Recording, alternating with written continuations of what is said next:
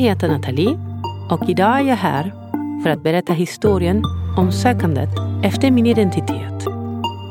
När människor som både står mig nära eller inte så nära får reda på att jag är adopterad och att en dokumentär har filmats sedan jag aktivt började söka efter mina rötter följer alltid en rad frågor.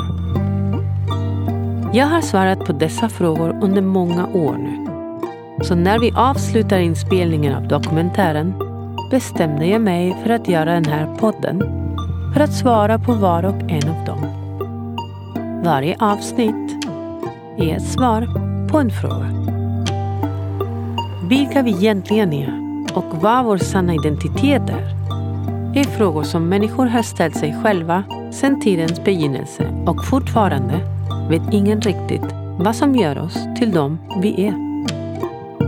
Här berättar jag min historia, så som jag har upplevt den. Men snälla, kom ihåg. Detta är inte den enda sanningen. Det här är bara min sanning. Av det som du hör här idag, ta till dig det du vill och låt resten vara. Med detta sagt önskar jag dig ljus och kärlek och en underbar dag.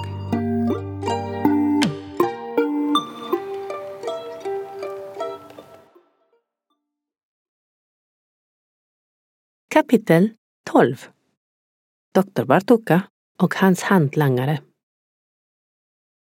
Ditt födelsebevis är falskt.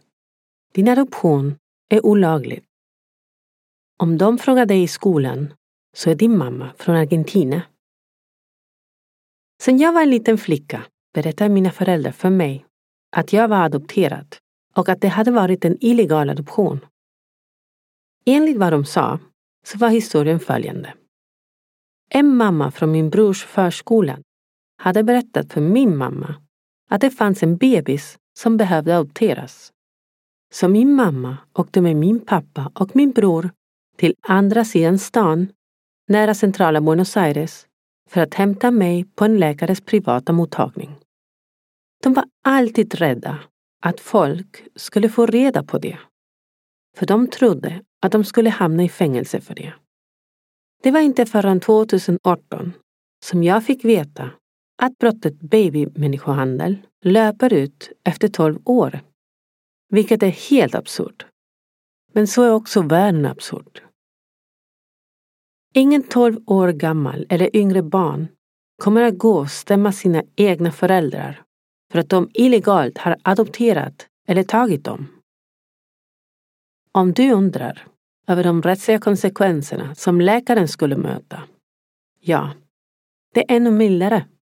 Han skulle endast behöva bli åtalad för bedrägeri på grund av förfalskning av födelseattest, vilket anses vara en mindre förseelse. Det är dock stor skillnad om detta sker i samband med militärdiktaturens tillägnande av spädbarn, vilket klassificeras som ett brott mot mänskligheten och aldrig förskrivs.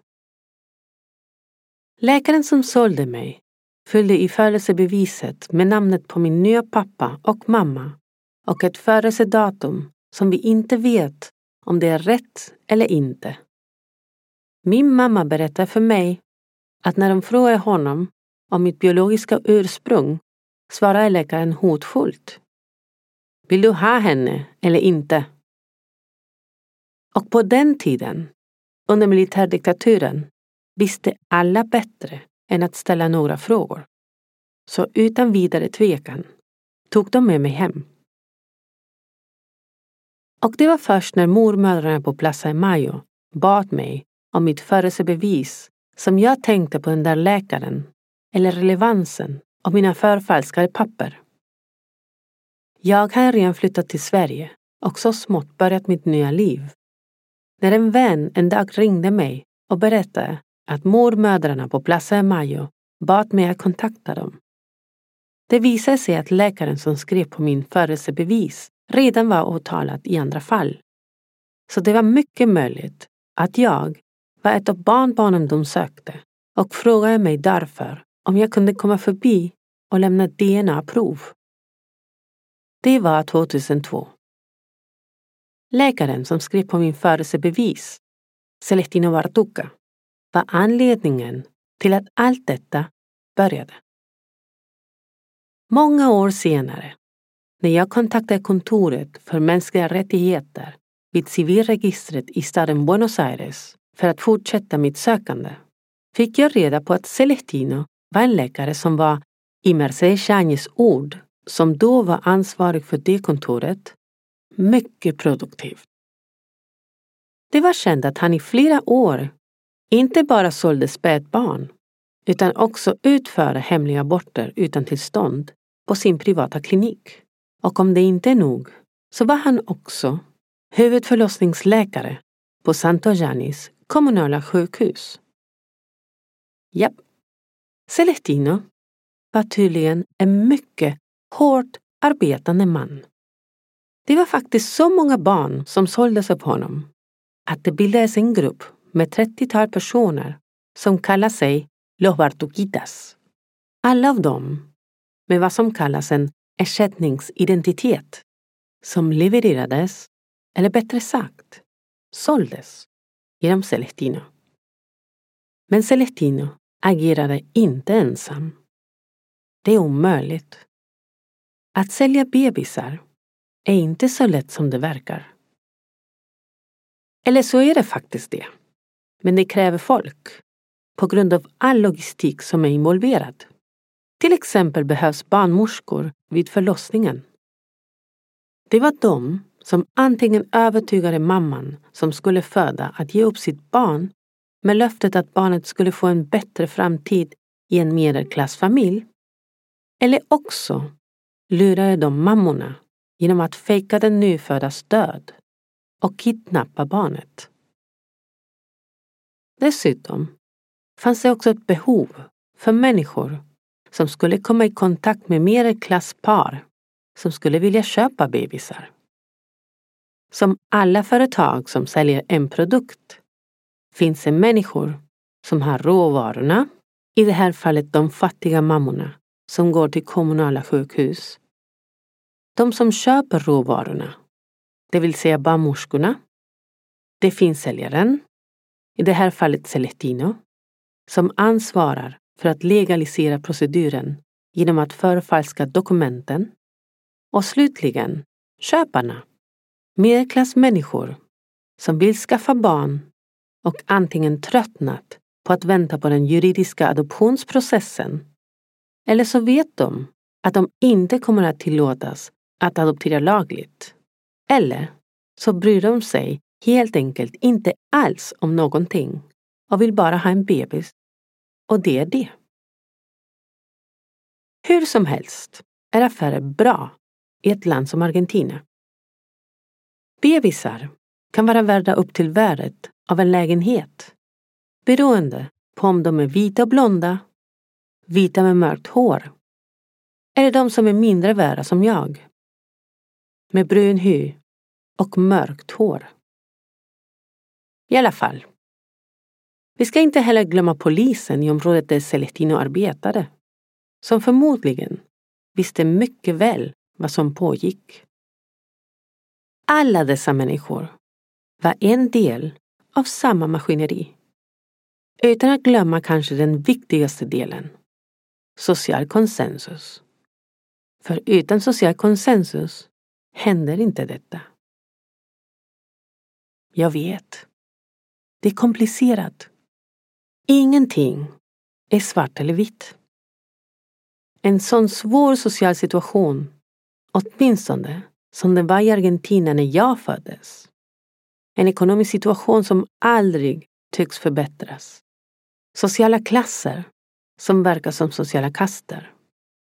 Det stora behovet och frånvaron av social trygghet.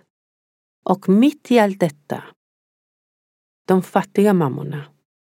Totalt försvarslösa mot ett system som inte värdesätter dem och ser dem som parior. Detta sammanhang ger lätt upphov till att allt detta finns, har funnits och fortsätter att finnas. Jag växer upp med att hela mitt liv höra att jag hade tur. För tänk vad du skulle vara nu om du inte hade blivit adopterad, Nathalie. Och det är delvis sant. Skillnaden mellan att äta och inte äta påverkar i hög grad ett barns tillväxt. Stressen från föräldrar att behöva kämpa varje dag för att hålla en familj flytande med de mest grundläggande behoven påverkar också i hög grad hur det barnet formas. Utbildningen jag fick och i mitt fall passet jag ärvde som gjorde att jag utan problem kunde flytta till Sverige påverkar också mitt liv. Men då, om det är så, varför känner jag ett sådant behov inom mig att veta vad som hände vid min födelse? Varför vill jag veta historien bakom hur jag köptes? Att även om det är en hård historia, full av orättvisa, mörker och grymhet, så föredrar jag det ändå istället för att fortsätta med osäkerhetens tomhet. Varför inte istället skriva en ode av tacksamhet till doktor Vartuka, till hans familj och hans hantlangare? Varför känner jag inte bara tacksamhet mot mina föräldrar, min historia och den sociala konsensus som gjorde att allt detta var möjligt? Varför finns det grupper på Facebook av människor som desperat söker efter sin biologiska identitet och sin sanning, oavsett vad den kan vara? Och vad tänkte mina föräldrar när de åkte och hämtade mig hos den där läkaren och som min mamma sa, de hade lovat oss en blond tjej. Om vi klär henne väl och tvättar håret med Helena Rubinsens schampo för blont hår kommer hon inte att se så mörkt ut och ingen kommer någonsin att fråga var hon kom ifrån. Eller kan det vara så att ingen, absolut ingen, riktigt tänkt igenom detta och vad allt detta skulle betyda? Ja, jag vet. Ingenting är svart eller vit. Och även om det gör så himla ont i mig så vill jag tro att allt är en del av allt. Och att det på något oförklarligt sätt i det här livet finns en plan för oss alla. Till och med för doktor Bartuk.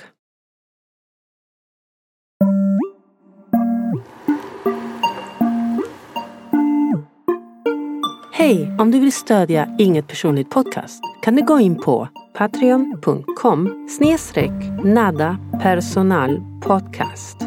Eller även genom att prenumerera på Spotify, Google Podcast, Apple Podcast eller Youtube.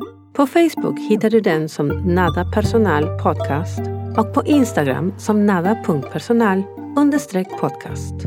Eller direkt på nadapersonalpodcast.com. Podden och musiken är producerad av mig, Nathalie Knudsen, i El Luna Music, Stockholm, Sverige. Översättning till svenska är gjord av Deidre Palacios och Josefin Frank. Tack så mycket för att du har lyssnat. Ha en fin dag.